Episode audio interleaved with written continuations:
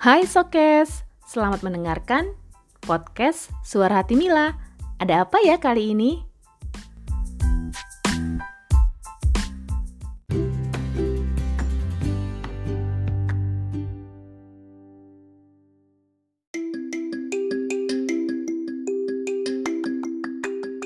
Hai Sobat Podcast, Hai Sokes, apa kabarnya? Semoga selalu dalam keadaan sehat ya.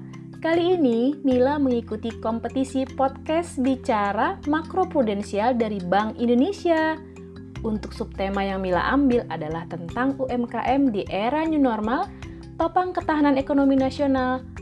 Oke deh, langsung aja dengerin ya. Hmm, apa ya yang mau Mila ceritain tentang makroprudensial? Salah satu yang menjadi tugas utama Bank Indonesia atau BI adalah menjaga stabilitas makroprudensial. Apa sih yang sesungguhnya dimaksud dengan kebijakan makroprudensial? Biar sokes nggak pada bingung, Mila jelasin ya. Ini sih Mila kutip dari penjelasan dalam Buletin Gerai Info yang diterbitkan oleh Bank Indonesia. Secara garis besar dapat disimpulkan bahwa kebijakan makroprudensial yang menjadi tugas utama Bank Indonesia adalah seluruh upaya yang dilakukan untuk menjaga stabilitas sistem keuangan. Sesuai dengan Undang-Undang Nomor 20 Tahun 2008 tentang UMKM, penjelasan tentang pengertian UMKM adalah usaha perdagangan yang dikelola oleh badan usaha atau perorangan yang merujuk pada usaha ekonomi produktif sesuai dengan kriteria yang ditetapkan dalam undang-undang tersebut. Sampai sini, Sokes, udah pada nyambung belum ya? Semoga deh pada nyambung ya. Kita lanjut lagi. Dalam perekonomian yang ada di Indonesia, salah satu yang perlu dijaga stabilitas keuangannya adalah usaha mikro, kecil dan menengah atau yang disingkat UMKM. Dalam hal menghadapi goncangan akibat ekonomi, UMKM ini memiliki ketahanan yang sangat kuat. Untuk itulah UMKM memiliki peranan penting dalam menopang ketahanan ekonomi nasional. Apalagi di Indonesia, banyak banget loh UMKM-nya. Hmm, kita lanjut lagi ya. UMKM memiliki peran strategis dalam menopang pertumbuhan ekonomi nasional setelah adanya dampak pandemi COVID-19. Perlunya mendorong pemerintah untuk terus mendorong UMKM karena banyak sektor bisnis yang diuntungkan dari keadaan new normal saat ini. Banyak banget loh guys. Hmm, apalagi nih mau ceritain. Pemerintah Indonesia harus bersinergi dengan adanya UMKM ini. Berbagai cara dilakukan pemerintah dan salah satunya yaitu memberikan subsidi atau bantuan keuangan. Gimana sih caranya? Hmm, pemerintah itu memberikan pinjaman lunak kepada para penggiat UMKM disertai bunga yang rendah sehingga mereka mendapatkan modal usaha tetapi tidak memberatkan dalam pengembalian pinjamannya. Selain itu pula, perlunya peningkatan sumber daya manusia untuk menciptakan jejaring kerja, baik secara offline maupun online, di mana saat pandemi seperti ini, masyarakat lebih nyaman dengan pemesanan produk apabila melalui online, dan tentunya mematuhi protokol kesehatan. Bener nggak? Sokes juga pasti begitu kan? Banyakkan belanja online-nya daripada langsung deh. Bener nggak? Apalagi zaman rebahan gini. Eh, udah deh, pada ngelantur jadinya. Lanjut lagi ya. Kemudian, selain itu pula, hmm, pemerintah melalui bisa juga menetapkan produk unggulan yang sekarang sedang marak. Apa sih uh, para penggiat UMKM itu yang akan ditetapkan produknya? Kemudian juga pemerintah bisa melakukan pembinaan kepada penggiat UMKM tentang berbagai hal yang berkaitan dengan UMKM. Bisa secara langsung, ataupun sekarang kan sudah bisa melalui Zoom, melalui virtual. Jadi eh, semua bisa kita lakukan pembinaan kepada UMKM. Udah gampang kok sekarang. Akses digital kan mempermudah segalanya ya. Hmm, kira-kira apa lagi ya yang dilakukan pemerintah?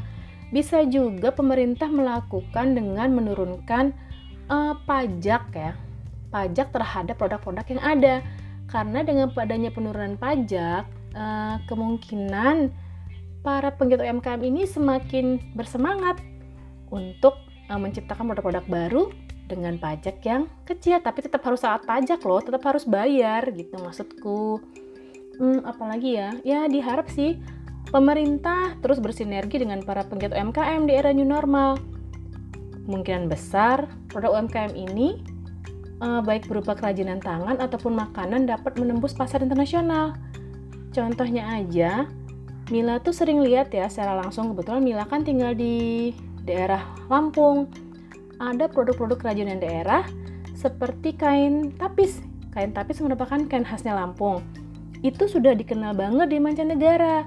Dan ini uh, terjadi karena ada dukungan pemerintah setempat untuk melakukan ekspor ke luar negeri terkait dengan kain khas tapis ini. Dan hal ini didukung langsung oleh Pemprov Lampung melalui Dewan Kerajinan Nasional Daerah atau Dekranasda. Dan ini menurut Mila di semua daerah pasti ada dekranasda kan?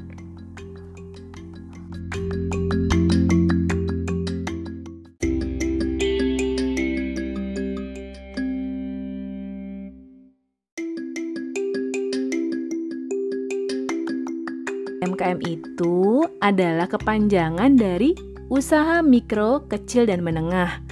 Bisa dikelola oleh badan usaha atau perorangan.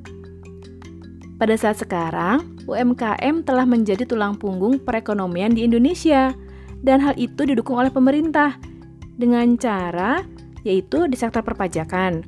Pemerintah Indonesia telah melakukan penurunan tarif pajak yaitu 1% menjadi setengah persen. Lalu ada juga percepatan perizinan. Kemudian pemerintah juga mengeluarkan bunga pinjaman ringan. Ada juga pembinaan usaha dan juga perluasan akses pasar. Nah, untuk perluasan akses pasar ini, eh, UMKM melakukan promosi kepada pihak-pihak luar dengan cara menggencarkan iklan ataupun melalui brosur ataupun melalui jasa-jasa voice over atau apa pun itu yang mengeluarkan tentang promosi tersebut.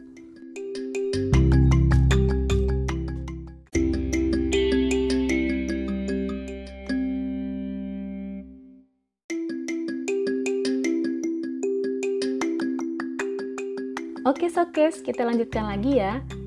Selain upaya dari Dekranasda tadi yang sudah Mila bahas, kemudian ada lain lagi hal yang perlu diperhatikan oleh pemerintah setempat, di mana uh, pemerintah setempat perlu memberikan pelatihan secara cuma-cuma kepada para penggiat UMKM tentang produk unggulan daerah yang juga menjadi hal yang sangat penting karena dengan dikenalnya produk daerah di mancanegara, akan meningkatkan pendapatan asli daerah. Ini juga akan menjaga stabilitas keuangan khususnya di masing-masing daerah yang ada di Indonesia. Kemudian uh, dikutip juga dari konten.co.id terdapat peran penting UMKM dalam perekonomian nasional di mana peran penting UMKM ini mencerminkan pencapaian tujuan pembangunan berkelanjutan atau Sustainable Development Goals dalam kurung SDGs yang ada di Indonesia dan sedang gencar-gencarnya nih. Maksudnya, UMKM dapat menjadi garda terdepan dalam pencapaian pilar ekonomi. Pembangunan berkelanjutan ini dengan cara menciptakan lapangan kerja, kemudian adanya menciptakan kondisi kerja yang layak, adanya inovasi berbagai bidang, baik di bidang bisnis ataupun di bidang produk-produk unggulan, kemudian adaptasi dan mitigasi dampak negatif ekonomi, sosial, dan lingkungan pada operasi bisnis untuk pertumbuhan ekonomi yang berkelanjutan. Jadi, menurut Mila, dengan adanya dukungan secara langsung oleh pemerintah Indonesia pada umumnya dan Pemda setempat khususnya, maka para penggiat UMKM dapat lebih mengembangkan usahanya, meningkatkan kualitas produk, juga menambah devisa bagi negara, sehingga stabilitas keuangan tetap terjaga, serta UMKM menjadi pelopor yang dapat menopang ketahanan ekonomi nasional di Indonesia. Oke Sobat Podcast, udah dengerin kan apa sih tentang makro prudensial? Jadi semoga Sobat Podcast sudah pada ngerti ya penjelasan yang tadi sudah Mila jelasin di atas.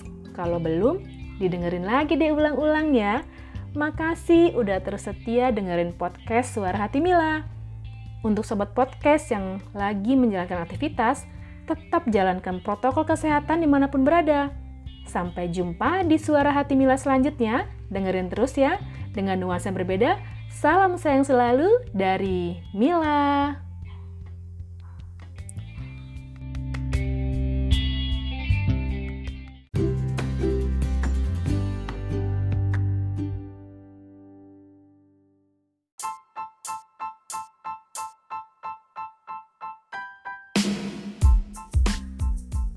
Gimana? Sudah pada dengerin kan?